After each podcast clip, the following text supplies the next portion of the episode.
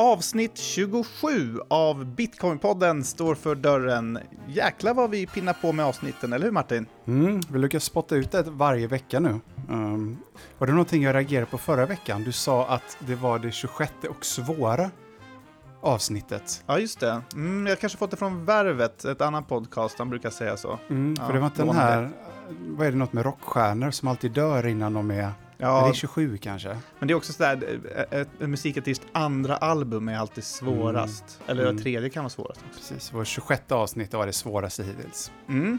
Idag så har vi ett riktigt spännande avsnitt framför oss. Vi får nämligen besök av den svenska och internationellt kände, ska sägas, bitcoin-maximalisten Knut Svanholm. Mm, det är ett, verkligen ett avsnitt jag har sett fram emot. Jag har lärt mig väldigt mycket av Knut.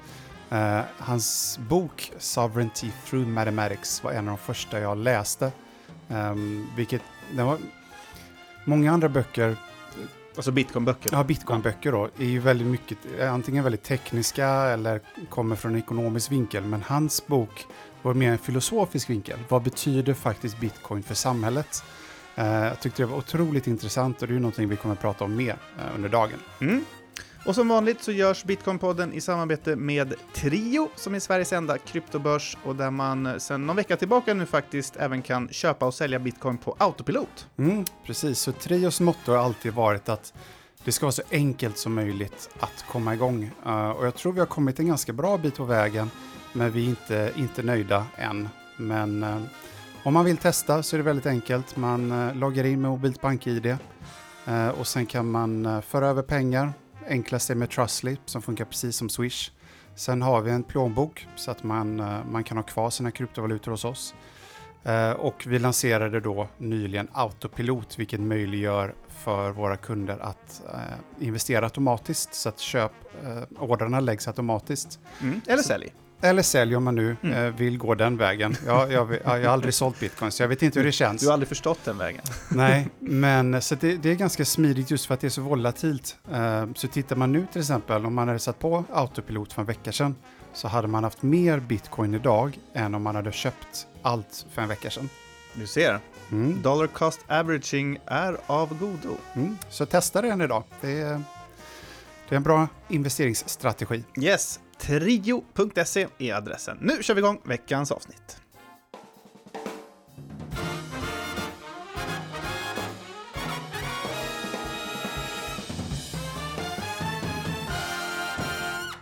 Bitcoinpriset står i strax över 44 000 dollar och vi kan se tillbaka på en eh, inte oskakig vecka för kryptomarknaden. Under natten mot måndag så kostade en bitcoin 47 284 dollar på Bitstamp, men sent på tisdagskvällen så var kursen nere och vände på 39 573 dollar. Och det här motsvarar en prisnedgång på över 16 procent.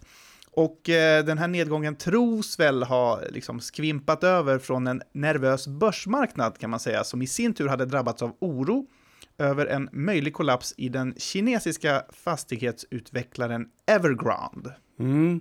Vi, eh, Bitcoinpriset har ju ändå varit förhållandevis bullish ganska länge. Det vände ju där i juli Mm. och så började det gå uppåt, gick upp i nästan en och en halv månad. Och sen i samband med att El Salvador gjorde bitcoin till lagligt betalmedel så fick vi en ganska stor dump. Och sen så fick vi ännu en dump nu i samband då med att rädslan för Evergrande och vad det kommer betyda för, för det finansiella systemet. Så att eh, det blir intressant att se hur, vad, vilken väg vi går nu, om, vi, om det kommer fler dumpar eller om vi faktiskt börjar ta oss upp mot nya höjder här snart. Ja, och att bitcoinpriset faktiskt återigen då påverkas av börsmarknaden och Mm. oron därifrån. Liksom. Precis, man brukar ju säga att bitcoin är okorrelerat till många andra tillgångar. Mm. Men på kort sikt är det i allra högsta grad eh, korrelerat. Det, det märktes ju nu när den här rädslan om Evergrande kom så allting störtdök ju. Guld störtdök ju till och med. Mm. Ehm, men det verkar, nu kanske lite för tidigt för, för att säga det, men det känns som att Evergrande, skandal är det ju inte, men det, alltså den här risken som det kan ha för det finansiella systemet kanske var lite uppblåst. Um, ehm, att Kina gick ju väldigt snabbt in och uh, gjorde någon form av räddning där de tryckte in, jag vet inte hur många biljoner eller miljon, miljarder yuan. Um, men att det, ja jag tror rädslan var större än vad, vad faktiskt utfallet kommer bli. Ja, precis. Det, där, alltså, det är ju pågående nu. Vi kan väl titta lite grann på Evergrande och vad det är. Det är alltså Kinas näst största fastighetsutvecklare. De äger ju egentligen inga bostäder utan utvecklar dem främst.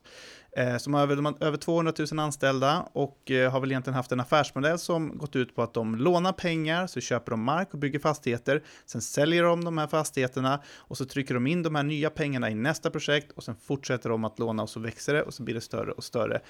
Det är en slags kreditexponerad tillväxt kan man säga, men som också då kommer med en väldigt hög skuldsättning. Och idag så har det här skuldberget vuxit till sammanlagt över 300 miljarder dollar, vilket motsvarar cirka 2600 miljarder kronor. Eh, och då det som hänt på slutet här är att bolaget ska ha fått väldigt akuta likviditetsproblem. Mm, precis, som jag förstod det så kunde de inte ens betala räntan på de lånen de har. Mm. Och problemet, så som jag uppfattat det, är ju att när de påbörjar ett nytt projekt så går de och köper land eh, och så påbörjar de den, de här byggnationerna och de här nya fastigheterna. Och så går man till banken och tar ett lån och säkerheten för det här lånet, för det är mm. inget blankolån, utan de, de, får ju en säkerhet, det är ju marken och de här bostäderna som byggs. Ja. Problemet är att om de inte kan betala tillbaka lånet, då tar ju banken eh, marken och den är förmodligen värt mycket, mycket mindre för att det plötsligt står ofärdiga bostäder på den här marken.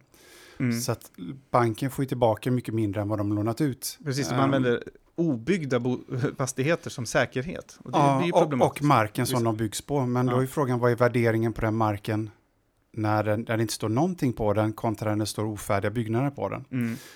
Um, och Evergrande är ju ganska intressant för att de har ju, de har ju jag vet inte om man ska kalla det diversifierat, men de bygger ju inte bara bostäder. De äger ju ett fotbollslag, de har ju någon, ja. någon, eh, någon park också, någon sån här amusement park. Och de har ju liksom investerat i alla möjliga konstiga och grejer. Asset management också tror jag, liksom lite fonder och sånt där. Mm. Um, så vi får se, som sagt, det var, Kina gick ju in väldigt tidigt. Um, och jag läste någon, som, det här var ganska intressant, men USA då som är världens mest kapitalistiska land, anklagas ju för liksom lite centralplanering och kommunism när de alltid går ut och räddar storföretagen. Och då var frågan om Kina, som är ett kommunistiskt land, kommer att gå ut och rädda sina företag eller om de faktiskt kommer vara mer kapitalistiska än vad USA är genom att inte rädda de, mm. de här storbolagen.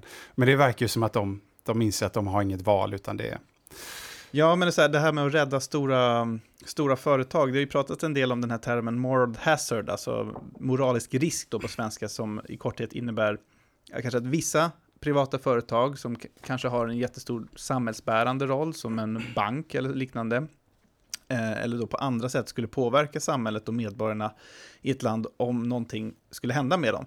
Eh, att de tar mer risk än vad de egentligen bör göra då i tron att de ändå kommer att bli räddade av staten om något skulle gå snett. Mm. Det är mm. lite too big to fail-tänket här. Mm. Jo, det är så. Sen är det väl också att det, det, drivs ju också på av extremt billig belåning. Det är väldigt, väldigt billigt att låna sig, att belåna sig. Och det är väldigt lätt att belåna sig, för du vet att det kommer alltid finnas en centralbank som kommer komma och köpa upp de obligationerna som du ger ut bland annat. Mm, precis. Att, um, mm. Många jämför ju också med, eh, med den amerikanska investmentbanken Lehman Brothers och det, den kraschen som var, mm. för, det, för den banken 2008, det fick ju rejäla konsekvenser. Precis, ja, det, men det är ju lite tidigt för att Evergrande har ju inte gått under än. Nej. Uh, utan det har bara blivit lite ringar uh, säger man ringar på vågorna? Vågor på ringarna? Ringar på vattnet. ringar på vattnet är det ja. man säger. Um, så att, uh, ja, vi får se vad som händer. Det är, mm. det är värt att hålla koll på. Men det som är ännu mer intressant är att om det nu bör få en påverkan mm. och om bitcoin faktiskt kanske den här gången klarar den här rollen som den ska ta som någon form av safe haven. Mm. Eller om folk verkligen bara kommer fly till cash, alltså dollar och liknande. Eller om bitcoin kan fortsätta sin bullrun trots att det stormar väldigt mycket i det finansiella systemet. Mm. Ja, men vi får se hur det går. Eh, det är möjligt att det inte kanske blir en sån regelrätt bailout för Evergrande från kinesiska staten. Det kan ju bli så att de kanske likviderar delar av, av verksamheten och ser till att bolaget tvingas göra det eh, och liksom omstrukturera allt och, och fixar upp skulderna så att de mm. ändå kan överleva och inte gå under. Ja, man har ju inte så bra insyn heller. Det är ju det. Allt som händer i Kina är ju lite dolt under ett täcke. Eh, mm. Och de har inte samma bokföringsregler som vi har i Sverige till exempel. Nej, men det, att, uh, hela kinesiska banksystemet har jag förstått är, är ändå också lite annorlunda än Mm. eh, det i USA eller liksom Mm. vi har i... Så att, Det, det som är värt att veta också är att den kinesiska centralbanken har faktiskt printat mycket mindre pengar än ehm, motsvarande centralbanker i andra länder som ECB och Fed. Så att de har mer ammunition att ta till än vad de andra centralbankerna har. mm. Ehm, så vi, vi får se om de tar till det vapnet nu eller inte. Och också kanske större styrningsförmåga i och med att många banker i Kina är ju statligt ägda. Mer eller mindre. ja. Så det är lättare att kliva in då och, och ja, styra upp.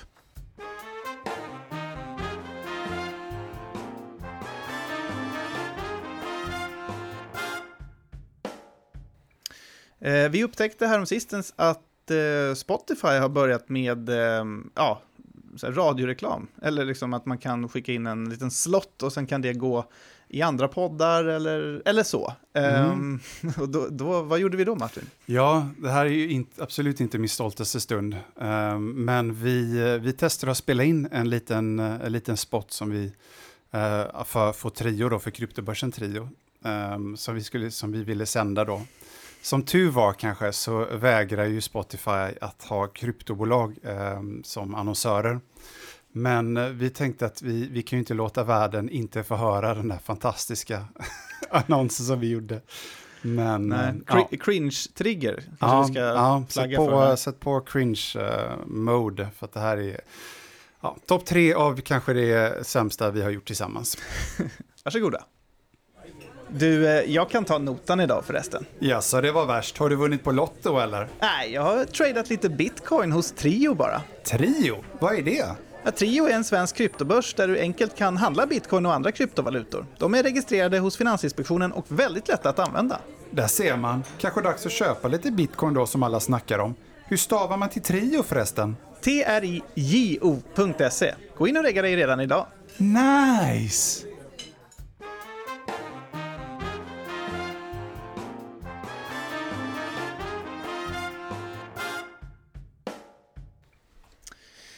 Då säger vi välkommen till veckans gäst, Knut Svanholm. Tack, kul att vara här. Ja, du är inte med oss här i rummet eh, som vi brukar ha gästerna, utan med på länk från utomlands ifrån. Ja, jag sitter nere i Spanien i, eh, i år eh, kan man säga. Vi är här och provbor i ett år. Härligt, hur varmt är det där just nu? Eh, Ganska varmt, det är väl... eh, Ja, det, som, som kallast under natten så är det väl runt eh, 18-20 grader. Som varmast på dagen kanske 28-30 någonting. Låter ju riktigt härligt det.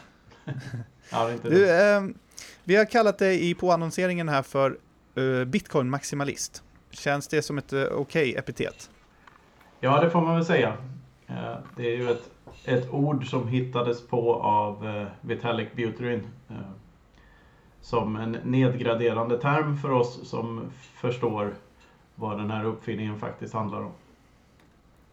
Ja, eh, jag och eh, Totte Löfström, vd på Trio, vi skrev ju en bok tillsammans och då definierade vi det så här. Eh, det är en person som har en enormt stark tro på bitcoin och som tycker att det är bättre att maximera både utveckling och investeringar i en enda kryptovaluta snarare än att hålla på med flera. Ja, den definitionen håller jag inte med om. Nej, okej, vad, vad är du emot den då?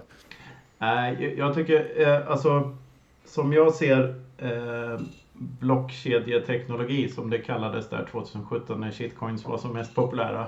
Så är det, det, det är en stor missuppfattning av eh, vad, vad, vad själva uppfinningen innebär. För det man gjorde när man löste de bysantinska generalernas problem som det heter i, i eh, computer science. Så eh, en sidoeffekt av det, eh, uttänkt eller inte, var att man skapade en, en digital eh, asset eller commodity, vad nu det heter på svenska. Jag gör, första Mm, podden till- jag gör på tillgång. svenska så jag vet inte vad, hur det Ja, tillgång heter det. Eh, så eh, det var att skapa en sån som var en tillgång som var helt begränsad i mängd. Eh, och eh, det var inte förrän efter den här Bitcoin Cash Hard Forken 2017 och eh, då där det faktiskt bevisades att eh, användarna faktiskt styrde över vart bitcoin skulle ta vägen. Eh, för er som inte känner till det så finns det en jättebra bok som heter The Block Size Wars som handlar om det här.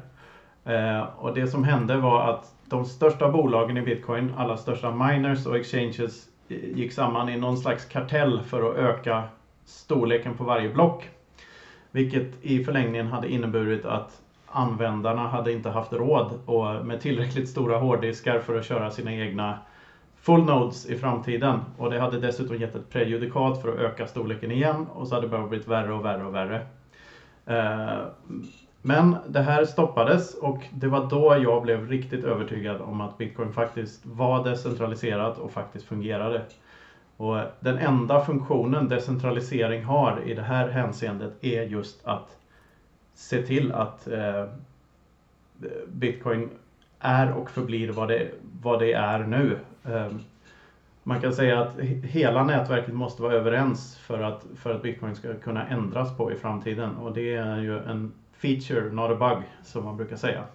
Och ingen, av, ingen annan så kallad kryptovaluta har ännu lyckats övertyga mig om att den är lika robust på något sätt, utan att det är snarare tvärtom att en så, så kallad rug pull kan hända när som helst och hela korthuset faller. Och det inkluderar alla shitcoins, det vill säga allting som inte är bitcoin. Eh, jag väljer att inte tro på det överhuvudtaget, för ifall man kan kopiera den här upptäckten av begränsad mängd på internet. Om man kan kopiera den en gång så kan man kopiera den hur många gånger som helst och då är hela poängen borta. Eh, Bitcoin löser eh, det, här, det här problemet med, med pengar. Alltså det, det är en absolut begränsad mängd i en tillgång egentligen löser är eh, byteshandel helt enkelt. Att jag har en ko, du har två getter och vi delar dem med varandra. Om jag inte skulle behöva två getter vid just den tidpunkten så behöver jag någonting, medium of exchange och eh, som mellanuppfinning. Det är det som är pengar. Och eh, Bitcoin är det första gången som människan har kommit fram till eh, upptäckt en, en tillgång som funkar perfekt som pengar. Alltså att det inte går att eh, inte går att eh, trycka upp nya av dem överhuvudtaget utan det är fixed supply och det är det som är det absolut viktigaste, eller det enda som är viktigt egentligen. Eh, med, mm. med en blockkedja. Så som jag ser det. Ja, ja, vi ska verkligen komma in på, på bitcoin här eh, lite senare, men allra först eh, tänkte vi höra lite om din eh, bakgrund, eh, vad du gjort tidigare och kanske också så här, hur du upptäckte bitcoin. Ja, jag har, jag har nog en udda bakgrund i eh, bitcoinkretsar. Ehm, och eh, jag är uppvuxen på Kinnekulle eh, söder om Vänern och sedermera Lidköping, en liten håla där. Ehm, flyttade till Göteborg i 20-årsåldern och gick till sjöss efter att ha misslyckats med en elektroingenjörsutbildning när jag var skoltrött direkt efter gymnasiet. Eh, jag tog matematiken men, men inte det andra utan slutade det och gick till sjöss istället och eh, valde att göra min dåvarande största hobby, vilket var skutsegling. Att segla gamla hundraåriga fartyg eh, till någon, någon, slags karriär. Och kom in på sjöbefälsskolan efter det och läste till sjökapten och gick ut som styrman på en råseglare med en gymnasieklass ombord som jag jobbade på i åtta år. Eh, efter det så började jag i eh, offshorebranschen eh, och eh, med ett bolag som kör ut tekniker till vindkraftverk i vindkraftparker i Nordsjön och Östersjön med små taxibåtar kan man säga. Så kallade CTVR. Och där jobbade jag på båtarna i ett par år och sen gick jag i land och Eh, var crewkoordinator först och sen eh, nu crew manager de senaste åren. Så Eh, jag har fått ta hand om 200 danska eh, sjömän på danska kontrakt. Det är det jag har gjort det sista. Och eh, sen i våras så sa jag upp mig därifrån och jag gör min sista vecka på det bolaget nästa vecka. Och sen efter det är jag helt livegen och eh, ska försöka försörja mig på de här bitcoin-grejerna som går bättre och bättre hela tiden. Och har tagit upp mer och mer av min tid. Eh, och eh, jag ser en möjlighet här och eh, man får smida medan järnet är varmt. Jag ser det som att jag har en första klassbiljett till, till framtiden här som jag inte vill bara kasta bort utan jag vill se vad jag kan göra med det här året med alla roliga kontakter man har fått och, och allting man kan göra med det här. V vad är det för bitcoin-grejer som du gör idag då? Ja, förutom, förutom böckerna så skriver jag ju artiklar för olika bitcoin-publikationer. Bland annat Citadel 21 Magazine och eh, Bitcoin Magazine. Och eh, några av de här artiklarna och även några kapitel i böckerna har blivit eh, animerade av en kille som heter Jonny Appelberg om ni känner till honom. En eh, svensk kille som har varit med i, eh, varit i Bitcoin väldigt länge. Eh, och vi har en kille i North Carolina som heter Guy Swan som läser in artiklarna och sen animerar Johnny dem och så har de blivit små Youtube-videos som också har blivit ganska populära. Speciellt en som hette uh, Bitcoin Everything Divided by 21 Million uh, som också är titeln på min nästa bok som jag håller på att skriva nu eller försöker hålla på att skriva nu men aldrig får tid till att skriva. Uh, och den videon blev lite, lite halvviral och framförallt blev den en meme på Twitter. Så på Bitcoin Twitter är det många som har lagt till det här eh, evighetstecknet delat på 21M i sina, i sina handles. Och det är väldigt kul. Eh. ja. Mm. Eh, och hur gick det till när du, när du upptäckte Bitcoin för första gången?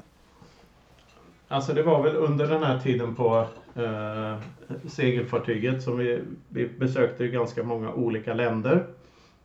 Och eh, man såg hur olika kulturer och ekonomier fungerade. Och jag märkte att jag, jag drog ganska annorlunda slutsatser av vad jag såg i jämförelse med de andra svenskarna ombord. Och höll det för mig själv ganska mycket. Samtidigt som eh, jag hade väldigt mycket tid på de här Atlantöverfarter och sånt och, och sitta och filosofera och bara tänka efter på vad jag tyckte om saker och hur saker fungerade. Eh, och det är inte förrän, ja det här kanske är eh, 2012, 2013 någonting, eh, som jag först får nys om det och eh, eh fascineras av det. Och sen när jag började på det nästa jobbet så hade vi också en period med mycket, mycket dödtid. Eh, och eh, då passade jag på att läsa en kurs 2016 på universitetet i Nicosia på Cypern som hade en sån onlinekurs med Andreas Antonopoulos som en av lärarna i eh, digitala valutor som det så fint hette. Och eh, eh, jag läst klart den så funderar jag på vad jag, skulle, vad jag skulle använda det till. Om jag skulle fortsätta att läsa den här Master of Science som fanns i, i möjlighet att göra på samma spår. Eller om jag helt enkelt bara skulle skaffa några bitcoin och börja skriva om det istället. Och så gjorde jag det. Uh, och det var just där under 2017 under den här bitcoin cash-forken så skrev jag en artikel om hur man hur man säkrade att man faktiskt kontrollerade sina egna privata nycklar. Uh, och det var den första som fick lite fart. Eh, jag hade även varit med om eh, lite halvviral grej på internet tidigare för ett band jag var med i som, som blev promotat av Pirate Bay några år tidigare. Och då fick vi 100 000 Youtube-views på några, några dagar sådär och då, eh, då blev jag väldigt, eh, alltså man, man, man ser att det finns faktiskt en chans att höras på internet om man, om man är ja, om man inte försöker så kommer man absolut inte höras någonstans. Eh, så, så jag fortsatte skriva och, så, och tyckte det var kul och tyckte det var kul att utvecklas och, och skriva på engelska om ett komplext ämne. Det var väldigt liksom eh, ja, bra hjärngympa helt enkelt. Så det blev vad det blev. Det är ju många när de kommer in i den här branschen som det är li, li, nästan lite som en, som en djungel, att man upptäcker att det finns otroligt många olika kryptovalutor och bitcoin det är gammal teknik, man kan göra så mycket andra coola grejer med andra kryptovalutor. Hade du något sånt moment där du liksom var ute och experimenterade med andra shitcoins eller insåg ja. du ganska snabbt att det är bara bitcoin som gäller, punkt? Jag, jag, är ganska stolt över att säga att jag förlorade inte mer än 10 dollar på, på shitcoins. Jag hittade någon sån här multiwallet runt där 2017. Då. Det, det, låter, det, det, du säger nu låter lite som en flashback från 2017. Då gjorde jag det och så satte jag eh, 10 dollar i olika valutor. Och så gick kanske två av dem upp och åtta av dem ner. Och så tänkte jag, eh, det här kommer ju inte funka. Det blir ju inget bra. För att liksom, hur vet jag vilken det är som kommer gå upp och vilken det är som kommer gå ner? Då måste jag ju liksom ägna hela mitt liv åt någon slags, och bli någon slags trader och hålla på och uh, sätta mig in i uh, här kaffesumpsspådom om uh, kurvor hit och dit. Vilket jag inte faktiskt tror på till att börja med. Så nej, det där är inte för mig. Jag tänker inte ägna min tid åt att trada. Det låter fånigt. Och, uh, och sen, ja, över tid då när man har skrivit om det och läst om det. Alltså, man får väl erkänna att eh, Seyfedins bok Bitcoin Standard var ju en stor, en stor ögonöppnare i just de ekonomiska aspekterna av det. Även om jag hade varit lite eh, nyfiken på österrikisk ekonomi och libertarianism innan den boken så, så, eh, så, så helt plötsligt så trillar hela pusslet på plats att liksom Bitcoin är the missing piece för att vi ska kunna eh, återta någon slags frihet från eh, eh, någon ekonomisk frihet eh, i världen. Eh, mm. Det är intressant att du, att du nämner just Seyfried Mus och hans The Bitcoin Standard, för det var den som fick mig också att verkligen så här, alltså övertygade mig när jag verkligen förstod vad han skrev i sin bok. Jag tror jag har läst den tre gånger. ja. Och det är många som har liknande upplevelser, att det var verkligen den boken som gjorde att att det vände och poletten verkligen föll ner. Uh, så Ja. det, det, någonstans tror jag att den boken kommer verkligen gå till historien som en otroligt viktig bok. Uh, nästan lite som en bibel Ja. på sätt och vis. Sen är, sen är den boken en liten så här, eh, den skrämmer nog bort en hel del folk också för den är, den, han är eh, He doesn't mince words som det heter. Alltså den är ju eh, ganska eh, brutalt ärlig i åsikter och han har många extrema paralleller eh, som, eh, som att eh, kvaliteten på konst och så vidare skulle hänga ihop med folks tidspreferens och att vi skulle få nya Michelangelos ifall vi gick upp på en bitcoin-standard. Han kallar, eh, vad, vad heter han, eh, Jason Pollock för en cardboard molester, vilket jag tycker är en rolig rad. Eh, men ja, hur som Ja, helst. han säger väl att Keynes var väl pedofil också? Ja, just det. Ja, massa sådana där saker. Så det, den är lite extrem. Min, min bok, eh, jag, jag skrev den i samma veva som jag läste den här boken. Eh, och de kom ut ungefär samtidigt, men kommer ut lite senare.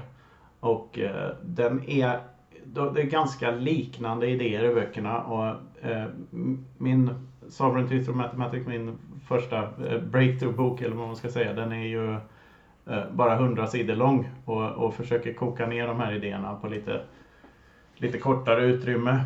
Eh, och kanske inte lika, eh, lika hårda åsikter som, eh, som Seifedin har.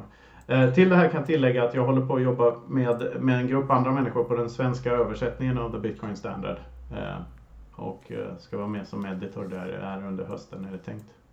När jag har slutat Mm. mitt andra jobb. Mm, spännande. Du, eh, du, det pratas ju väldigt mycket om hyperbitcoinization. Mm. Ehm, att om det är slutmålet eller i alla fall att det, det är någonting vi ska eftersträva. Vad, vad skulle du, vad är det, vad är det enligt dig bi- hyperbitcoinization? Eh, Det är många olika saker. Först och främst är det en personlig grej att man hyperbitcoinizar sig själv. Eh, Det är inte, och det är inte nödvändigtvis ett, en sanning att alla på hela planeten kommer göra det eh, i tid. Eh, Däremot så, så eh, är alltså pengar i- på en fri marknad är per definition det mest eh, säljbara, alltså saleable. Det heter väl säljbara på svenska antar jag. Får bra träning inför den här översättningen nu. Men eh, Det mest likvida tror jag man all säger va? likvida eh, eh, tillgången i, i en marknad, alltså den som är lättast att bli av med, alltså den som alla accepterar. Och Bitcoin har alla, alla egenskaper som behövs för att vara mest säljbar i ja, eh, över tid. Så jag tror att någonstans så är det eh, så händer hyperbitcoinization. Och många, många ser den här eh, alltså hur det kommer gå till som en S-kurva eh, på grund av att andra eh, nätverksteknologier innan bitcoin har, har sett ut så. Till exempel TV eller radio eller eh, internet eller Google eller Facebook eller Pokémon Go. Alltså alla börjar med få användare och sen helt plötsligt kommer det som en catch-up-effekt med väldigt många så går kurvan uppåt och sen eh, Eh, planar den ut när alla är ombord. Dels, Bitcoin skiljer sig dock markant ifrån det där för eh, det där kan vara sant för antal användare av Bitcoin. Men priset på Bitcoin behöver inte nödvändigtvis eh, följa en S-kurva utan när alla människor på jorden har bitcoin, har bitcoin så finns det fortfarande mer pengar kvar och mer tillgångar kvar Eh, och, och kasta in i bitcoin. Så det är inte förrän hela ekonomin är i bitcoin som vi är på hyperbitcoinization stadiet. Och det, som jag ser det så finns det ingen slutpunkt på hyperbitcoinization. För även när allting är i bitcoin och alla människor på jorden har bitcoin så kommer framförallt så kommer bitcoins försvinna i, och tappas bort i högre grad i och med att det finns fler folk som kan tappa bort dem. I, i, eh, och det här under en tid då de blir mer och mer begränsade i mängd redan på grund av halveringarna varje, var fjärde år. Eh, så du har alltså en, en tillgång som krymper och krymper i supply medan demand ökar och ökar. Och det finns ingen slutpunkt alls för det här. Och när, när vi väl har eh, hela jorden i en bitcoin-ekonomi så, så har vi en ekonomi som är global och som inte stater eller tredje, alltså tredje parter som använder våld kan göra så mycket åt. Alltså en av de mest fascinerande aspekterna av bitcoin tycker jag är att det gör våld mindre lönsamt. För om jag dödar någon som har eh, informationen om en privat nyckel i huvudet så försvinner de bitcoinen för alltid och gör alla andra bitcoinanvändare indirekt rikare då för att be eh, mängden begränsas ännu mer. Eh, men när vi då lever i den här världen där vi har en global sound money economy Eh, så kommer produktivitet gå upp ännu mer, ännu fortare och eh, både produktions och eh, transportkostnader kommer gå ner i ännu snabbare takt än vad det gör idag. Så jag, jag ser bara ett stort J på var, var priset på bitcoin kan ta vägen. Och det, det, är en så, det är en sån absurd tanke liksom. Men, det, och, men jag tror den är viktig att tänka för att det är så få som eh, tänker i sådana banor. För det är för otroligt för att folk ska tro på det. Mm. Finns det några ledtrådar något som, som man ska liksom hålla koll på som skulle påvisa att vi faktiskt sakta men säkert är på väg dit? Ja, antalet användare som dubblas, vad är, vad är det, vart, vartannat eller vart tredje år? Så om du ser då att om, om nu 0,5 procent av jordens befolkning har bitcoin idag så betyder det 1 procent om två år, 2 eh, procent om fyra år, 4 procent om eh, sex år, 8 procent om åtta år och 16 procent om tio år 32 procent om 12 år, 64 procent om 14 år och så vidare. Så då har hela jorden då på en bitcoin-standard under 20 år. Uh, en an, du, du, nämnde, du, näm, du nämnde att, um, ja, men att uh, det, allt skulle egentligen bli bättre om vi uh, nådde dit eller var nära den, det målet så att säga. Du nämnde att ja. produktionskostnader går ner. Skulle du kunna ge några fler exempel på varför allting skulle bli bättre eh, om allting var baserat på bitcoin då, så att säga. Ja, det, det, har att göra med, alltså det här, det, det, det, här är ett långt och komplext ämne. För det, det, och det knyter tillbaks till eh, österrikiska skolans ekonomi här och då praxeologin som jag tycker är eh, det, det stora eh, alltså skolämnet som saknas i skolorna just nu. För eh, praxeologi eh, förklarar det subjektiva på samma sätt som matematik för, förklarar det objektiva i världen. Eh, praxeologin är läran om human action, alltså varför folk gör saker överhuvudtaget. Varför man utför medvetna handlingar överhuvudtaget. Och det utgår ifrån vissa axiom som man, som man tar för givna. Till exempel att alla människor föredrar en eh, mer immediate reward för en som är längre in i framtiden. Alltså om jag kan få en miljon dollar imorgon så är det mer attraktivt för mig än om jag får den om tio år. Eh, och eh, och en annan är Man must act. Alltså jag måste göra någonting för att inte bara svälta ihjäl. Alltså om jag, om jag väljer att bara ligga och andas, vilket inte räknas som en action utan som en reflex, eh, så, så händer ingenting och då svälter jag ihjäl eh, förr eller senare. Så, så man måste göra saker och eh, ju tidigare man kan få en reward för det man gör desto bättre är det. Och det här är några, några få av de grundaxiomen som hela vetenskapen bygger på.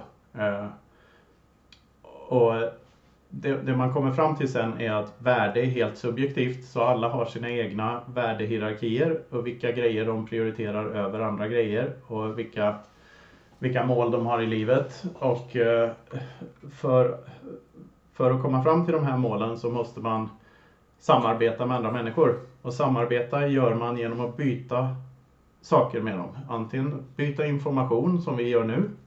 Det är en form av handel. Vi handlar i idéer just nu och inte bara idéer utan vi handlar i marknadsföringsvärde för mig och marknadsföringsvärde för er podd möjligtvis. Eh, allt möjligt, vi använder allt möjligt. Men det är handel vi håller på med. För allting är handel. Eh, vi, vi värderar saker olika och eh, vi byter grejer med varandra. Och det är så handel började. Och för, för att komma ifrån det här med att eh, när jag behöver en kossa så kanske inte du behöver två getter. Eh, som är byteshandel. Så, så, så uppfann man pengar eller upptäckte att om vi har något annat här som vi kan ha som mellangrej för att, för att uttrycka värde med så, så kan det hjälpa oss i längden. Eh, om man nu har då hittat en typ av pengar som in, ingen tredje part kan rå sig på, ingen kan eh, försämra genom att trycka upp nya av dem. Ingen kan förfalska, ingen kan göra, lägga sig i. Eh, om man nu har kommit till ett samhälle där vi har en fungerande byteshandel igen så, så leder det till så effektiv eh, marknad som möjligt, alltså så effektiv väg från att få igenom min vilja och, och att få igenom din vilja. Eh, för vad vi gör i eh, en fri marknad är frivilligt. Eh, vad vi gör i offentlig sektor eller eh, med eh, under tvång helt enkelt är, är inte ute efter vår fria vilja utan det är efter någon annans vilja. Och det är inte alls lika effektivt sätt att, att få den totala eh, mängden eh, gods, vad, vad, heter det, tillgångar och services i eh, mänskligheten att öka. Utan det är den fria marknaden som gör det och det är det som är civilisation. Eh, och eh, sen finns det ju massa krafter som vill, få, som vill få människor att tro att det inte förhåller sig på det här sättet utan att det behövs skatter och inflation och alla möjliga eh, andra saker. Eh, helt enkelt för att de har något att tjäna på att lägga fram den tesen istället. Eh, och så har det varit sen, eh, sen vi fick ledare i våra samhällen överhuvudtaget. Att eh, de, de måste framhäva sig som kungar eller demokratiskt valda ledare eller vad man nu kallar det. Men, men allt, det, allt som är gjort under tvång är per definition mindre, mindre effektivt än det som är gjort eh, frivilligt. Och inte bara, inte bara praktiskt utan framförallt etiskt, eh, alltså moraliskt, så är det betydligt mer moraliskt att frivilligt handla med varandra än att göra det under, eh, än att tvinga folk att betala någonting som de inte egentligen har sagt att de vill ha. Mm. Ser du några risker eller negativa aspekter av hyperbitcoinization? Uh, det, det, jag ser risker med är den här kraschen i, i fiatvalutor som förr eller senare kommer. Alla fiatvalutor följer samma mönster. De har alla ett dödsdatum, de är alla dödsdömda. För, för att hålla igång systemet måste du hela tiden trycka upp mer och mer pengar. Och du måste ha mer och mer inflation varje år för att hålla BNP-mål och sånt vid liv och att inte hela ekonomin ska krascha. Så det man gör är att rulla en större större snöboll av krasch framför sig. Tills den blir för stor och liksom rullar över dig. Uh, och uh, jag, jag, tror att hyperbitcoinization är som en krockkudde för det här. Eh, alltså människor har en möjlighet att, att rädda sitt eget skinn ifrån, ifrån den kraschen som kommer ändå. Så jag tror att hyperbitcoinization kommer se våldsamt ut och vissa historiker kommer skylla det på bitcoin och så vidare. Men att det egentliga problemet är det systemet vi lever i idag. Eh, alltså om du tänker dig att du var i Venezuela eller i Libanon idag med en sån här valuta där du får din lön om du inte, om du inte spenderar den dagen efter så är den värd hälften dagen efter det. Eh, då, då, då har du så hög tidspreferens som du kan ha. Eh, och det, för att ta, enda, det bitcoin gör är att ge dig ett verktyg att ta dig ifrån det landet med den icke-fungerande valutan. Tidspreferens. Tror du att, ja. förlåt, tror du att tredje världen kommer anamma hyperbitcoinization snabbare än vad kanske vi i västvärlden kommer göra? Det tror jag absolut. Och jag tror att ju mer, ju mer eh, komplicerat ett politiskt system är och ju längre det har gått i tiden, eh, desto, desto större risk löper man att hamna i det här polisstatiga crappet. Vilket vi ser idag i, i Australien och Kanada till exempel, som, verkar, som bara för tio år sedan verkade som de två av de absolut friaste länderna i hela världen. Eh, vilket de har visat sig inte vara utan nu, nu är det polisstater. Och det är till och med svårt att ta sig därifrån. Så, eh, så jag tror, och det, det, och det är lite samma grej som händer nu i västvärlden som hände innan Sovjetunionens fall och Berlin, Ber, Berlinmurens fall. Eh, att de här stora klumpiga systemen börjar krackelera i i fogarna och eh, folk börjar se igenom det att de springer i sina ekorrhjul och inte får så mycket för det utan bara är skuldbelagda. När de väl är medelålders så har de inte byggt upp någon rikedom alls utan de börjar inse att någon tog alla pengarna. Och eh, jag tror att det, det kommer ske något liknande med, med våra så kallade utvecklade länder som det skedde i, med Sovjetunionen. Att det trillar isär förr eller senare. Vi kan bara hoppas att det blir icke-våldsamt. Eh, sen vet jag inte vilken tidpunkt det här är. Det kanske håller i 20 år till. Det kanske håller i fem år till. Eh, det kanske inte håller till nästa månad. Alltså det, man vet inte. Eh, men det man, det man gjorde 2008 med den finansiella krisen där var ju att man bara sparkade burken längre ner för gatan för att direkt översätta ett uttryck. Eh, genom att då trycka upp nya pengar för att baila ut de som egentligen skulle ha bestraffats för det. Och ja, jag tror alla bubblor spricker förr eller senare. Så, så jag tror bitcoin är krockkudden snarare än no någonting annat. Det är en oundviklig kollaps som kommer komma, helt enkelt. Ja, den, den kommer ändå, oavsett om bitcoin existerar eller inte. Eh, med bitcoin så har man åtminstone ett verktyg man, man, som person har man ett verktyg att ta sig ut. Alltså det, det bitcoin är, ett verktyg som ligger där på bordet. Du får använda det hur du vill. Det, det finns där, det är tillgängligt. Du kan välja att använda det eller välja att inte använda det. Men det är där och det är upp till dig om du vill använda det eller inte. Mm. Jag tror det var, det var Pierre Rochard som han jobbar på Karken tror jag, som sa att bitcoin är friheten att skicka, ta emot och äga pengar. Punkt. Ja. Och det är ingenting du kan få idag.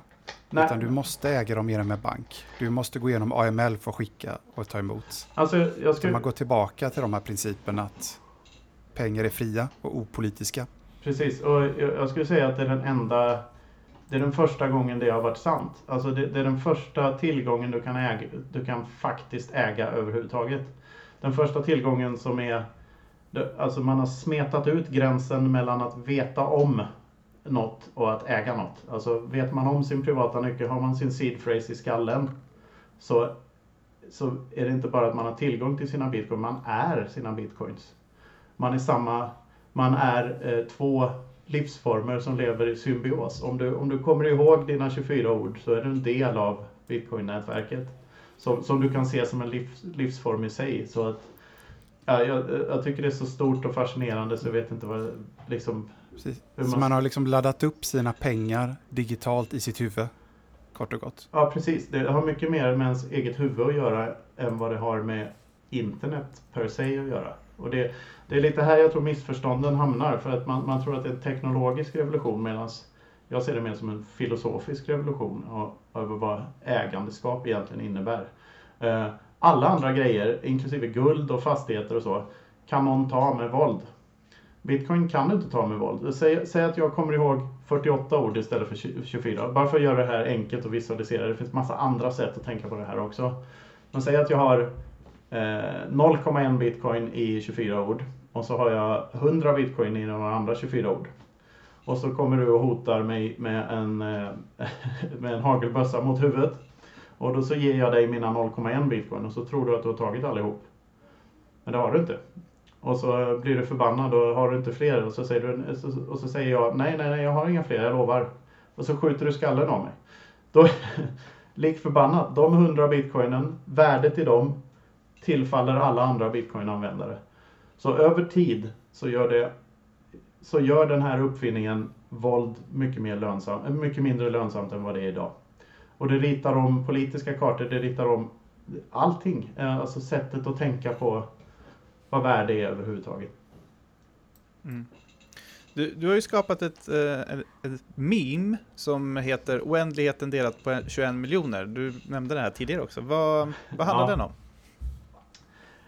Ja, det handlar om att eh, det potentiella, alltså för att så, som jag ser det och som många andra så kallade bitcoin-maximalister ser det så är, eh, så är det ganska binärt vart bitcoin är på väg. Alltså antingen går det till noll eller så fortsätter det gå upp. Och det finns ingen slutpunkt på när det går upp. Det ja, hänger lite ihop med vad jag eh, la, la, ut för teorier förut. Och det, det, är det som är det är det som är grejen. Alltså, det, det, här, det finns förklarat i en av de här små filmerna som jag har gjort. Och eh, exemplet jag drar där är att om du har Robinson Crusoe och Tom Hanks på en eh, öde ö och Robinson Crusoe är bra på att fånga fisk och Tom Hanks är bra på att fånga kaniner. Så kan de antingen eh, då kan de springa omkring där och byta fisk mot kaniner fram och tillbaka. Eh, eller så kan Robinson Crusoe eh, lära sig att göra ett fiskenät och fånga 10 fiskar per dag istället för en. Och Tom Hanks kan uppfinna ett spjut och fånga 10 kaniner istället för en per dag alla de här nya grejerna som kommer in i den ekonomin då, säg att de här skulle bara ha bitcoin som sin medium of exchange mot varandra. Då, då så skulle även fiskenätet och spjutet vara i ekonomin. Alltså all ny produktivitet kommer in i en och samma ekonomi. Och om vi alla, det enda bitcoin är, är en överenskommelse om att de här reglerna är fair och de här reglerna kan ingen ta. Eh, alla bitcoiners är med på 21 miljoner i limiten Eh, det ska ta i snitt 10 minuter mellan varje block. Blocken ska inte vara för stora. Alla ska kunna köra en egen fullnode. Och allt det här som vi är överens om, det, det är det enda bitcoin är. Det är en överenskomst om, om eh, fair set of rules.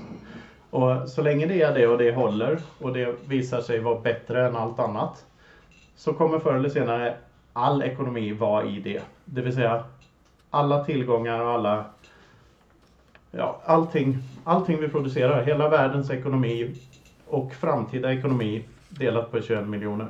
Det är det det går ut på.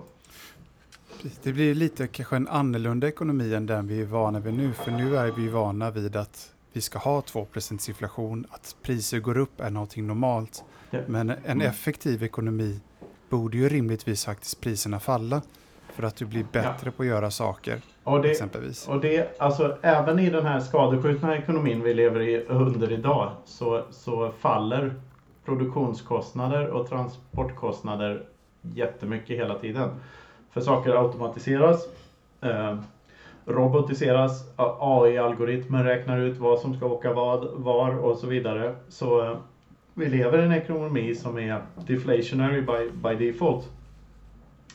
Och det enda som får priser att bli stabila, eller någorlunda stabila med då 2% inflation per år, är en artificiell eh, upptryckning av nya pengar. Det är det enda som gör att priserna inte sjunker. Annars hade alla priser sjunkit överallt. Och vi är, det, det, alltså, vi är snuvade på så mycket pengar varje år, så det, eller så mycket purchasing power varje år, så det är helt löjligt. Eh, och folk inser inte liksom vidden av problemet. För det är ett gömt problem. För det finns ingen som pratar om det. Eh, förutom bitcoin-maximalister. Ja. Folk är ju glada så länge de får 2-3% löneökning varje år. Eh, och tror Ja. att de har fått det för att de har gjort ett bra jobb.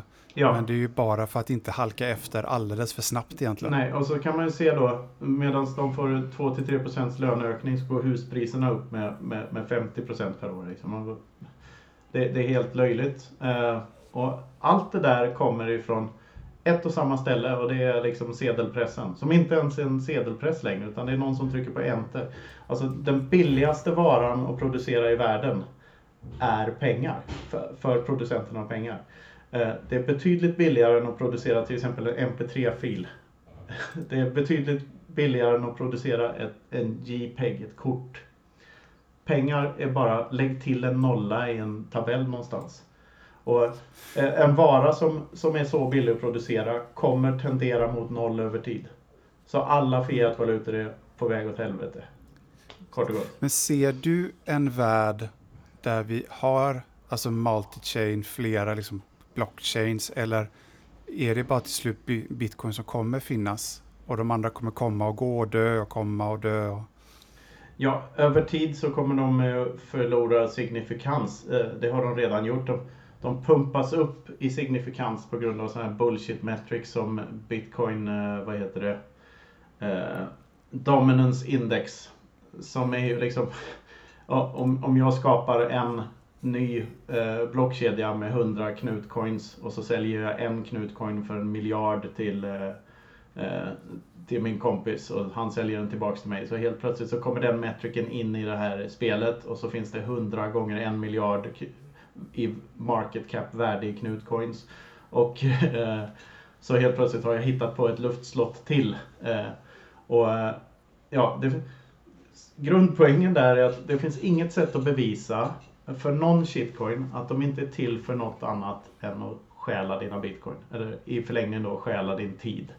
För det, det var, alltså jag delar ju in, den senaste videon vi gjorde så delade vi in shitcoins i eh, eh, uh, kleptocurrencies och craptocurrencies.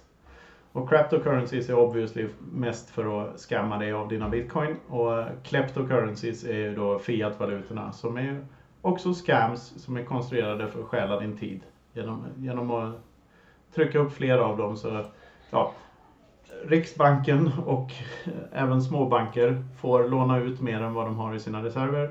Vilket inte är något annat än eh, pengaförfalskning. Det är bara att den är laglig. Precis. Och de pengarna går till de som är närmast sedelpressen, de här cantillionaires som det snackas om. Ja, precis. Och i och med att alla valutorna hänger ihop så liksom Ja, enda sättet ur det här är att, är att införskaffa och hålla kvar i sina bitcoins och inte sälja dem oavsett hur högt värde de får. För det värdet som är representerat av en siffra i dollar eller något annat, det är inte det reella värdet. Utan för att dollar är ingen bra måttstock. Euro är ingen bra måttstock. Den enda bra måttstocken som finns är en som går från 0 till 21 miljoner. Det finns ingen annan måttstock. Eh, vi behöver bara en måttstock. Vi behöver inte vi behöver inte, det, det vet ni själva, om du har en tumstock med, med centimeter och tum på så tycker man ju den här tumsidan är helt askorkad. Där är bitcoin och ethereum liksom. Du behöver bara en meter, du behöver bara en standard. Och, kan, och det här är standarden. Mm, det var ju någon som sa det att det, det är lite som att du bygger ett hus och så varje månad så, ök, så blir en meter en centimeter längre. Ja, Att försöka bygga ett hus med det och det är lite det vi gör med vår ekonomi. Vi vill hela tiden att pengar ska bli mindre värda. Så att du har inget konstant, du har ingen måttstock i ekonomin. Utan allting blir liksom artificiellt och bitcoin blir per definition den första riktiga måttstocken vi har, den första konstanten i vår ekonomi. Absolut. Sen ska man inte glömma att värde är fortfarande subjektivt även om du har en konstant måttstock. Så det kommer finnas gods som folk värderar högre än någon summa pengar i världen även efter hyperbitcoinization. Jag kan ha en, eh, en teckning jag fick av mitt barn när barnet var litet som jag inte säljer för någonting.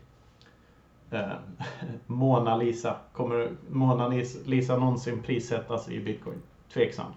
Men bitcoin är lite som Mona Lisa eller som Just nu finns det 13 da Vinci-tavlor kvar, original. De 13 tavlorna är bland de dyraste i hela världen. Alltså en av dem var den senaste eh, prisrekordet i att sälja konst. Eh, eh, jag kommer inte ihåg det exakta priset men det är helt absurda summor för den här Salvador Mundi som är en Leonardo da Vinci originaltavla. Det finns 13 sådana. En dag kommer det bara finnas 13 bitcoins kvar. En dag kommer det bara finnas 13 satoshis kvar. För de kommer slarvas bort och de kommer minska i supply över tid. Det är ofrånkomligt. Det, det, det kan inte hända på annat sätt. Förut, förutom då om någon knäcker eh, krypteringsalgoritmen. Men gör någon det så har vi betydligt större problem än eh, bitcoin. För knäcker någon SHA-256 då, är det liksom, då kan vem som helst hacka nuclear codes och alla fiat-valutor och allting annat också. Så då är det helt kört. Då kan vi glömma internet. Det är intressant när vi pratar om bitcoin versus andra kryptovalutor. För den stora grejen där eh, som handlar om det är väl kanske förmodligen skillnaden i decentralisering. Eh, ja. Och att det liksom absolut kan finnas intressanta projekt och idéer, men att de lika gärna kan liksom uppfinnas och skapas på centraliserade databaser. Det känns som att blockchain bara har blivit ett buzzword som mer förvirrar än förklarar Enormt. genom åren.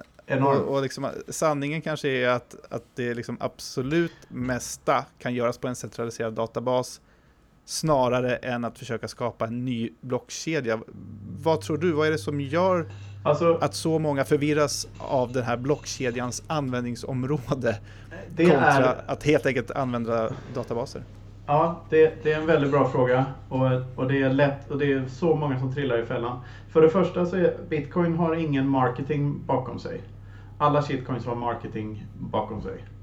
Så alla de här falska narrativen har mer mer köpkraft bakom sig per definition för att det är någon som tjänar på att pusha dem. Eh, Bitcoins marketing är bara så här eh, töntar som jag som sitter och, och, är, och är eh, filosofiskt övertygade om det och försöker pusha det därför. Eh, men medans då en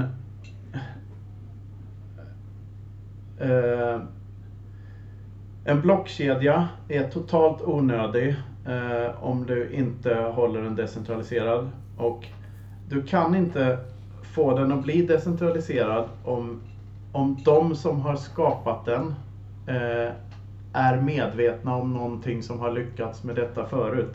Och alla som skapar andra blockkedjor än bitcoin vet redan om att bitcoin finns och att det har lyckats med att bli decentraliserat. Eh, Medan de andra, det finns liksom inga garantier för att den eh, decentraliseringen är tillräcklig. För, och, och här är en sån shitcoiner eh, narrativ att det är någon slags trade-off. Man kan ha lite mindre decentralisering och, och, öka den här metriken så att det blir bättre som payment system eller smarta kontrakt eller vad det nu är man vill pusha för narrativ. Men det håller inte för antingen så är det så decentraliserat så att det kan hålla en eh, capped supply limit eller inte. Om det inte är det, om det, om det inte är totalrobust, så försvinner hela poängen. För då kan, det bli, då kan någon centraliserad enhet ändra spelreglerna när som helst. Och den, vi pratar och, kanske egentligen om, om, tillit och förtroende. Absolut, att, det är det jag gör. Och hela, hela poängen är ju att du inte ska behöva någon tillit, utan du ska bara behöva eh, lita på att pengarna gör det de ska göra.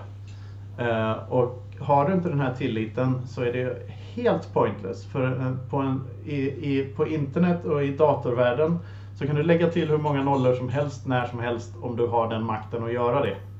Och, och därför så, och i och med att shitcoins, det går inte att bevisa att någon av dem är tillräckligt decentraliserad. Det går inte att bevisa att bitcoin är det heller. Men det man kan göra är att verifiera att folk följer spelreglerna genom att köra sin egen Bitcoin fullnod hemma med de reglerna man själv vill ha. Och gillar man inte reglerna så kan alla får byta. Alltså Bitcoin är vad du själv definierar det som att vara.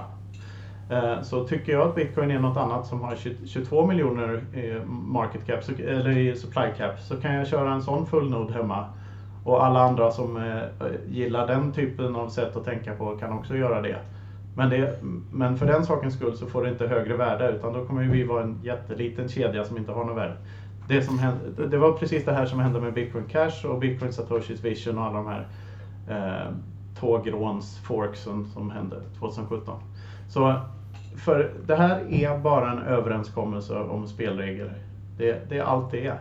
Och om vi inte är överens om spelreglerna så om man väljer att vara överens om några andra spelregler så good luck with that. Jag, jag är överens om de här. Jag tror på det här. Och men, över tid så har, tror jag det vinner. Om man har vetskapen om bitcoin, att det redan existerar, då menar du att man inte kan skapa en, en ny blockkedja som är helt decentraliserad? Alltså, nej, nej för då, då, är man redan, då har man redan andra ekonomiska incitament. Alltså det finns inget det finns inget som bevisar att du inte då har skapat den här nästa blockkedjan enbart som ett pyramidspel för att tillskansa dig andra människors bitcoin. Det går inte att motbevisa den tesen att du endast är med eh, att du endast pushar för ethereum eller tron eller vad, vad, vad de nu heter. För, om jag inte äger några enheter av kryptovalutan då? Om jag ger bort allting? Det, det, ja, det finns andra sätt att, att tjäna pengar på det i alla fall och pusha andra narrativ än, än att just äga tokenen i fråga. Eh, det finns massor, alltså du kan säga jag, eh, säg så här, jag, jag pushar en massa för ethereum och sen så säljer jag alla mina ethereum för att visa att jag är legit och att jag inte alls eh, har något egen, egen vinning i det. Och sen köper jag en NFT för eh, en miljon dollar och pushar priset på den. Det är precis samma sak. Alltså, det här... det, det finns andra sätt att tjäna pengar på falska narrativ än att bara köpa eh, en specifik token i en blockkedja. Och, eh, som sagt, om man ska lyckas övertyga mig om att någon av de här eh, alternativa teknologierna har någon merit whatsoever, så får man, då, då, får man övertyga väldigt mycket bättre om varför, varför inte spelreglerna skulle kunna ändras när som helst. Så bitcoin går egentligen bara att uppfinna en gång, helt enkelt? Ja, jag skulle säga att det går bara att upptäcka en gång. Eh, det är som att upptäcka en, eh, en konstant i fysik eller upptäcka, upptäcka hjulet. Alltså, hjulet är en bra liknelse. Alltså, du kan pusha att den här formen på ett hjul är mycket bättre än mitt fyrkantiga hjul här. Men liksom, hjulet är redan uppfunnet. Du, du kan inte optimera det mer än så. Det, Mm. Men, men, det är svårt med metaforerna i och, med att, i och med att det här är helt nytt. Det är ett helt nytt... Eh, det har aldrig existerat någonting liknande. Man, man, kan, man kan säga, det finns andra, man kan säga att det är som att upptäcka ett nytt grundämne med perfekta egenskaper för att eh, utgöra en monetär enhet. Eh, man, eh, om man tittar på monetära egenskaper hos grundämnen så är det typ bara guld och kobolt som blir kvar i slutändan och det var guld som vann det racet. För ingen kände till kobolt för 5000 år sedan. Eh, och, det, och det har de egenskaperna på grund av, på grund av vissa eh, variabler, alltså att det är eh, begränsad tillgång på det på jorden, att eh, det går att verifiera eh, någorlunda lätt att det ämnet är just det ämnet och så vidare. Bitcoin, om du ser bitcoin som ett grundämne så är det det absolut bästa grundämnet som finns för, att, eh, för värdetransaktioner. Mm.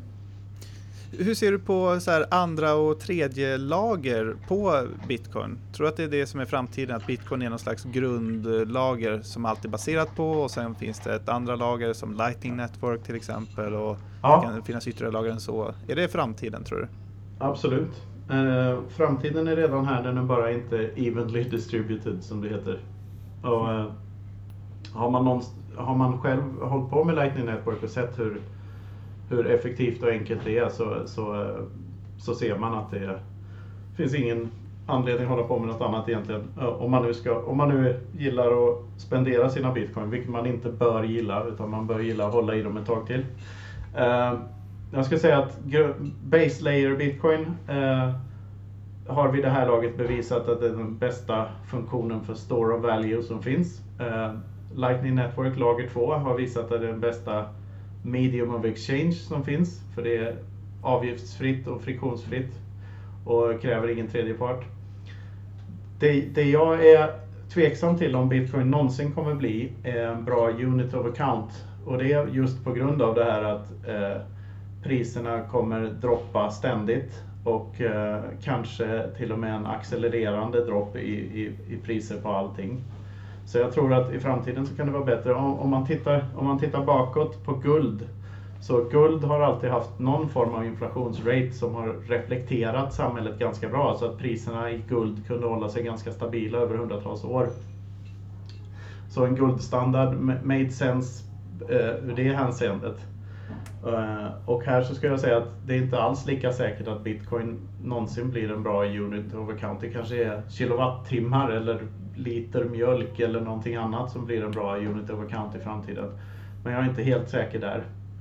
Eh, däremot är jag säker på store of value och i och med Lightning Network även medium of exchange. Eh, ja, eh, även custodial lösningar som agerar som banker idag. Alltså tredjepartsgrejer kan funka jättebra i framtiden. Och, och alltså, ja, jag, jag, tror definitivt Lightning Network är, är en väg framåt. Och att det blir bättre och bättre. Det sker enormt mycket innovation där hela tiden. Ja, vi har ju lite av ett proof of concept nu i El Salvador. Där vi faktiskt har en hel befolkning som onboardas på Lightning Network. Ja, det... Så det ska bli, ja, se, se hur det går. Vi vet ju inte riktigt. De har varit igång i över två, tre veckor nu. Ja, ja um... där kan man ju säga då att som, som uh, uh, om man kommer från österrikisk ekonomi och liksom någon, någon, slags libertariansk bakgrund så är man per definition emot legal tender-lagar. För man tycker att det är ingen annans business vad jag vad jag köper och säljer i vad jag använder för valuta när jag köper och säljer varor och tjänster. Eh, och eh, det kan jag hålla med om. Däremot så tycker jag att det här El Salvador experimentet är sjukt kul att följa och vad som händer där. Eh, och hur fort det går, alltså när man ser på Twitter någon som behöver laga moppen och så visar upp en QR-kod och så hjälper folk från hela världen till på några sekunder med att skicka pengar för att den här killen i El Salvador ska laga moppen. Liksom. Och, ja, det, är, det är hur häftigt som helst och det är verkligen en försmak av vad som komma skall. För jag tror andra städer i liknande länder som genomgår den här processen som den lilla byn El Sonte i El Salvador genomgick nu de senaste åren eh, kommer ha ett enormt försprång på alla andra. Eh, det, det, det säger sig självt. Eh, har man sunda pengar som är, går att teleportera så, så, blir, så blir livet bättre över, över tid. Mm. Eh, ja, vi ska börja avrunda lite här, men jag tänkte sist här om du kan få ge en liten eh, eh ja, men, synpunkt på, på dagens läge, vad man ska säga. Centralbankernas agerande senaste året efter, efter finanskrisen, efter corona. Eh, stater som bailar ut banker och finansbolag som tagit för hög risk. Vi pratade om moralisk risk här nu eh, lite innan här i vårt nyhetssvep eh, mm. med anledning av eh, Evergrande och sådär. Eh, och om, om, stater inte kliver in, vad, vad, får det för konsekvenser för medborgarna och för landet? Liksom? Det är ju därför många hjälper till och sådär. Hur, hur ser du på dagens situation, bitcoins roll och eh, de närmaste, den närmaste tiden här? Alltså det, det banker och stater gör när de går in och hjälper till, som man kallar det, eh, det är att de skjuter upp problemet och skjuter det på, fram, eh, på framtiden.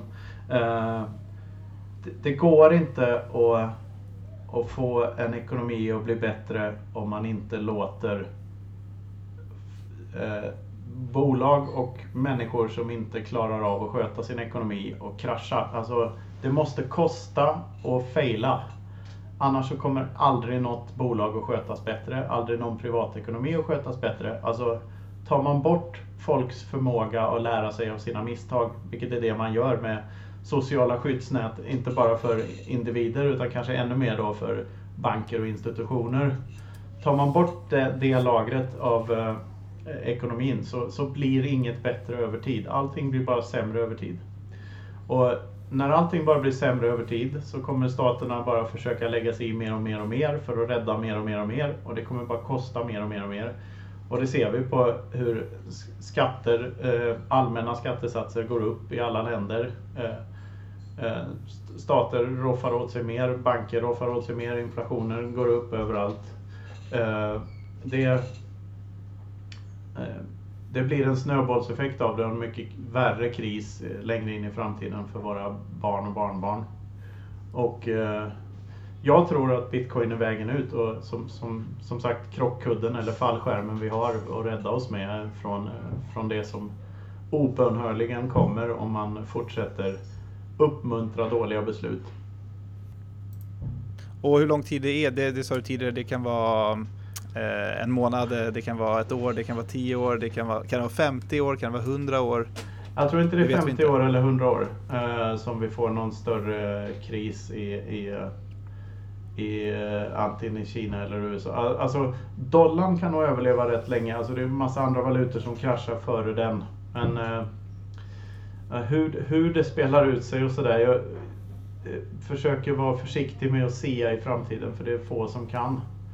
Eh, men, men jag tror att det som när jag växte upp kallades för tredje världen har, har en jättechans här att eh, både komma ikapp och gå om Eh, de, de större ekonomierna och de större staterna med makt i världen. Eh, just för att man kan då eh, ge mer makt åt individer i de här länderna. Att på individnivå för, förbättra möjligheten för folk att och sänka sin tidspreferens helt enkelt. Alltså mm. det här med tidspreferens, jag vet inte om jag Eh, ge en förklaring till det. Att om du blir bestulen på någonting av vad du äger så höjs automatiskt din tidspreferens. För du, du, du har inte råd att tänka lika långsiktigt längre. Ju mer resurser du har desto mer långsiktigt kan du tänka. Eh, för eh, medans om du inte har några resurser alls så måste du tänka hur får jag mat? Hur får jag mat? Och så får du springa och försöka skaffa mat. Om du har mat men inte kanske en eh, sjukförsäkring så måste du eh, hur får jag tag i sjukförsäkring? Eller ni fattar, alltså ju, ju, mer, ju mer resurser man har desto mer kan man tänka på sina långsiktiga behov snarare än sina kortsiktiga behov. Och det är det här, om du blir bestulen på massa ägodelar så får du automatiskt en, en eh, kortare tidspreferens, en högre tidspreferens. Eh, och exakt samma sak händer om du blir beskattad eller om du blir, eh, råkar ut för inflation. Du får färre resurser att röra dig med och därför så, så höjs din tidpreferens och du agerar mer kortsiktigt.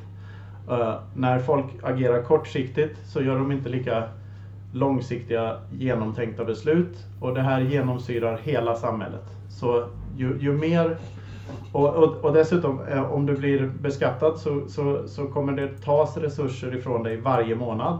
Eh, samma med inflation, det tas hela tiden kon, konstant eh, köpvärde ifrån dig. Vilket betyder att du hela tiden får en högre och högre tidspreferens och gör dummare och dummare, och kortsiktigare och kortsiktigare beslut. Eh, så, eh, och det är det problemet som, som bitcoin löser, så att folk kan liksom fatta beslut som, som sträcker sig över generationer och tänka igenom när jag gör det här nu, om jag, om jag lägger ner resurser här, hur kommer det, vad för impact får det på fem generationer framåt. Alltså så är det ingen som tänker nu. Och så länge vi inte börjar tänka så, så kan vi inte lösa några stora problem. Framförallt inte miljöproblem. Där har du ett helt annat kaninhål att dyka ner i. Men det hinner vi inte idag tror jag. Nej. Ska vi hinna med några korta lyssnarfrågor också Martin? Ja. Eh, vi, har, vi har frågat lite på sociala medier och fått in några. Eh, den första är, hur många procent har du allokerat i silver eller guld? Eh, noll. Har du någonsin sålt Sats för Fiat sen du förstod bitcoin? Eh, det har inte någon annan än jag med att göra. All right. När kommer den svenska översättningen på The Bitcoin Standard? Uh, förhoppningsvis till jul, men inte helt säker. Årets julklapp i bitcoinvärlden då kanske? ja, om inte min bok kommer då innan det. ja, kommer det svensk översättning på dina egna böcker? Det är en eh, svensk översättning av eh, Sovereignty through Mathematics på gång, eh, vet jag. Uh, en kille som ville göra det. Men jag är inte helt säker på hur långt han har kommit på den eller så, men det är en in the works. Jag orkar inte själv nämligen. Nej, förstår. Ja, nej, men det var det vi hade. Eh, sjukt intressant att prata med dig Knut. Tack detsamma, eh, även om det var mest jag som pratade. ja, men så ska det vara under en intervju, tycker jag. Du hade mycket intressant att säga. Ja, jag vet att ni inte håller med mig om hälften ens, men eh, tids nog så. Ja, säg inte det. Ja, jag tror jag, jag håller nog med om det mesta. Ja. Eh, det, men jag, jag försökte låta dig prata och mest bara nicka och hålla med. Ja, jag såg det. Ja. ja, men det är kul. Det är kul att göra det på svenska. Alltså, man märker hur miljöskadad man är av att prata engelska hela tiden så man inte ens vet om vad de svenska orden för koncepten är. Mm. Mm. Ja, nej, men det är speciellt om man är van vid att förklara alla koncept på engelska. Mm. Det är inte jättelätt att, att vända. Men jag tyckte ändå det gick förhållandevis bra att köra så här som vi gjorde nu.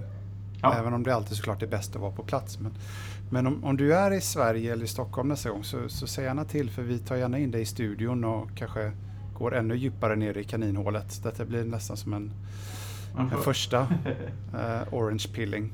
Ja, mm. Det passar inte så bra där på svenska. Vad ska vi kalla Orange pillrad? Eller? Ja, så kanske lägga till ett R på... Och det var ju allt som vi hade då från Bitcoin-podden den här veckan. Eh, nästa vecka är vi tillbaka som vanligt med en ny gäst. Vem blir det då? Mm, nästa vecka kommer Johan Javius som är chefstrateg på SCB och nog en av få människor inom bankvärlden som, som gärna pratar om bitcoin och skulle säga förstår det ganska bra. Så att det har varit intressant att prata om hans syn på det och kanske även hur bankerna ser på det då eftersom han kommer från den världen. Verkligen. Det ser mm. vi fram emot, missa inte det. Eh, Bitcoinpodden tillbaka alltså nästa vecka. Fram till dess kan du följa oss på Instagram till exempel, där vi heter Bitcoinpodden. Ni får jättegärna gå in och ge oss ett betyg i poddappen också, så vi uppas lite där. Vi, ni blir fler och fler som lyssnar och det tycker vi är himla kul. Ha det så fint till nästa vecka så hörs vi då. Hej då! Ha det bra, hej hej!